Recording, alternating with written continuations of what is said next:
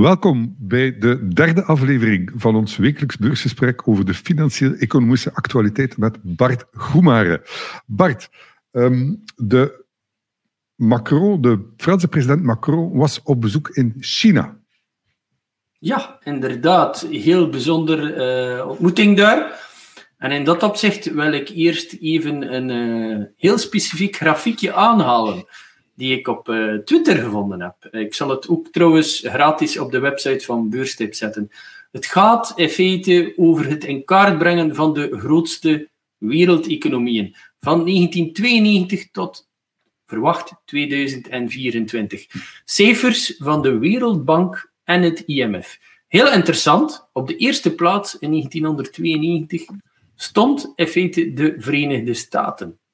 Ja. Maar het IMF en de Wereldbank verwachten in 2024 dat de VS op de tweede plaats zal staan.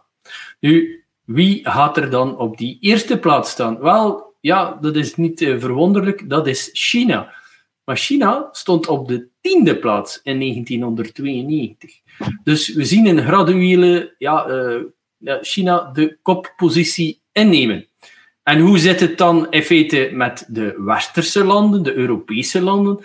Wel, op de derde plaats in 1992 stond Duitsland, gevolgd door Frankrijk, Italië, het Verenigd Koninkrijk en Spanje. En we zien dat die landen ja, in feite uh, gradueel uh, zien een bijdrage dalen.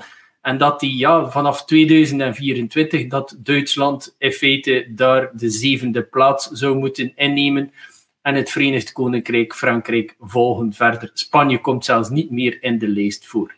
Wat kunnen we daaruit concluderen, Paul? Wel, heel eenvoudig. De BRICS-landen die zullen de grootste wereldeconomieën worden de komende jaren. Die zullen een heel belangrijke bijdrage hebben. Komt Rusland nog in die uh, lijst voor? En ik begreep dat ook uh, de Braziliaanse president Lula uh, ondertussen op bezoek is geweest in China.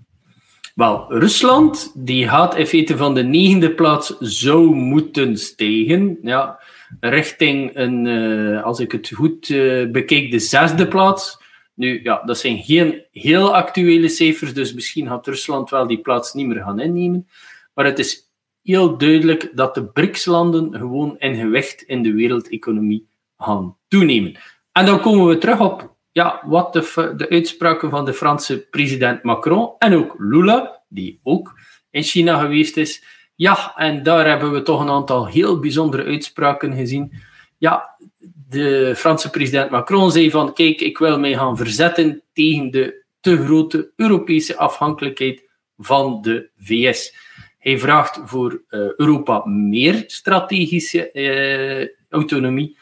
En ja, hij wil de blootstelling aan de extraterritorialiteit van de dollar verminderen. En daarin ziet hij voor de euro een heel belangrijke rol weggelegd als reservemunt. Nu, niet alleen Macron is in, uh, in China geweest, ook de Braziliaanse president Lula is ondertussen voor de derde keer geweest. De eerste keer sinds dat hij opnieuw verkozen is. Het was ook de eerste keer dat hij met de Chinese president Xi Jinping samen zat. Ja, en daarin pleit hij voor een multipolaire wereldorde. Mhm. En willen ze een heel duidelijk signaal sturen dat de dominante positie van de Verenigde Staten in de wereldhandel onder druk staat. Ja, en dat is toch bijzonder, want eh, ik heb in de vorige uitzending heel duidelijk gezegd: de, de BRICS-landen, de groeilanden, die willen in feite ja, de dollar van de troon stoten, een nieuwe wereldmunt oprichten. Ja, en uh, de Braziliaanse president Lula zegt bijvoorbeeld: ja, waarom kunnen wij geen handel drijven in onze eigen munten? Dat zijn toch veel bijzondere stellingen die op korte periode elkaar opvolgen. opvolgen ja. En uh, ja, dan kijk ik naar een uitspraak die ik zo pas opgetekend heb van Kathleen Tyson, een oud-voorzitter uh, van de Centrale Reservebank van New York, waarin dat ze zegt van ja, al die groeilanden, die moeten hun reserves niet meer in hun eigen munten gaan beleggen. Die kunnen bijvoorbeeld ook hun reserves ja, in grondstoffen gaan beleggen of in hout gaan beleggen. Mm. Ja, uh, wat dat die BRICS betreft, uh, Bart, is er eigenlijk maar één land die een gezonde demografie heeft, dat is Indië. Maar voor de rest, Rusland zit met een slechte demografie. Uh, Brazilië ook, bijna rampzalig. Uh, ik vraag me gewoon af of we ons daar niet een heel klein beetje op miskijken. Want demografie speelt toch ook een heel belangrijke rol. Die van China is rampzalig. Tegen 2050 zou het aantal Chinezen naar de helft gaan. Dus uh, miskijken we ons niet een beetje op Azië, want de rest van Azië heeft wel nog een gezonde demografie. Vietnam en die landen daar in die regio, die zien er wel gezond uit op demografisch gebied. Dus zou het kunnen zijn dat we daar nog misschien voor verrassingen gaan komen? Nu, kijk, demografische uh, of leeftijdsevoluties, laten we het zo zeggen, dat werkt op lange termijn. Je ziet het zelf, 2050. Ja. Hier gaat het over voorspellingen IMF Wereldbank 2024. Ja. Uh, dat is 26 jaar verschil, als ik goed kan tellen. Op korte termijn, ja. Ja, op korte termijn. Ja, ik, ik denk de komende decennia, de komende tien jaar, dat we vooral heel veel verschuiving richting die nieuwe BRICS-landen uh, gaan zien en dat we ja, die demografische verschuivingen die gaan sowieso impact hebben, maar dat is toch op de lange termijn. Misschien lopen ze daar strategisch al een beetje op vooruit. Hè?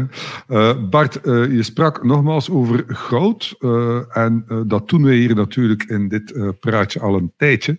Maar uw voorspellingen daarover, die van enkele maanden geleden, die komen wel uit. Hè? Dus de goudprijs die doet het zeer goed. Die flirt met recordkoersen. En het ziet er naar uit dat dat absoluut nog niet gedaan is. Wat denk je daarover? Wel, dat hangt in feite samen met de sterkte van de dollar als wereldmunt. We zien dat de sterkte van de dollar aan het afbrokkelen is. Nu, dat is een cyclische beweging die om de zoveel tijd wel eens terugkeert. De euro die staat op het hoogste pijl sedert maart 2022. En dat heeft alles te maken met de renteverwachtingen van de markt, wat dat de centrale banken gaan doen. De verwachting is in feite algemeen dat uh, in de Verenigde Staten ja, dat de rente niet meer zo snel opgetrokken zal worden.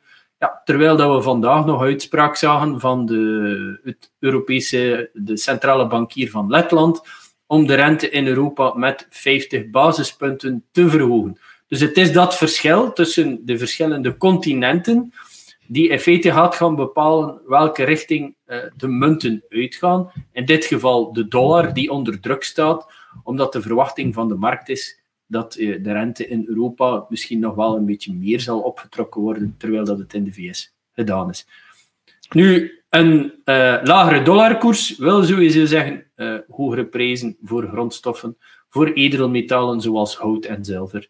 En dat is wat dat we nu momenteel aan het zien zijn. -hmm. Dat is opmerkelijk, want een paar maanden geleden dachten wij nog net het omgekeerde, dat de rente in de VS hoger ging liggen dan in de eurozone. En nu zou het omgekeerd zijn. Dus zo zie je maar. Um, Bart, ik las verder een, dat de wereldwijde PC-verkoop zou ineens Hoe komt dat? Well, heel interessant. Uh, en heel interessant voor wie binnenkort uh, de komende 12 tot 18 maanden elektronica moet gaan aankopen. Ja, de computerleveringen en de prijzen van chips die zijn heel drastisch aan het dalen. Samsung Electronics, de Zuid-Koreaanse uh, producent van chips, heeft zijn uh, productie van geheugenchips verminderd uh, nadat het de kleinste winst sinds 2009 heeft gerapporteerd. Wat hebben we gezien? Ja, natuurlijk door de COVID-crisis gingen heel veel mensen thuiswerken. ze hadden niet genoeg met IMPC thuis. Papa, mama, de kinderen, die werkten allemaal vanuit een uh, eigen bureautje of een hoekje waar ze niet gestoord konden worden. Dus iedereen wilde een iPad, een, uh, een nieuwe iPad of een snellere iPad. Iedereen wilde een nieuwe PC. Dus die chip, die verkopen van die PC's en dus ook de chips is uh, gigantisch aangetrokken. We hebben daar een piek in, in aankopen gezien.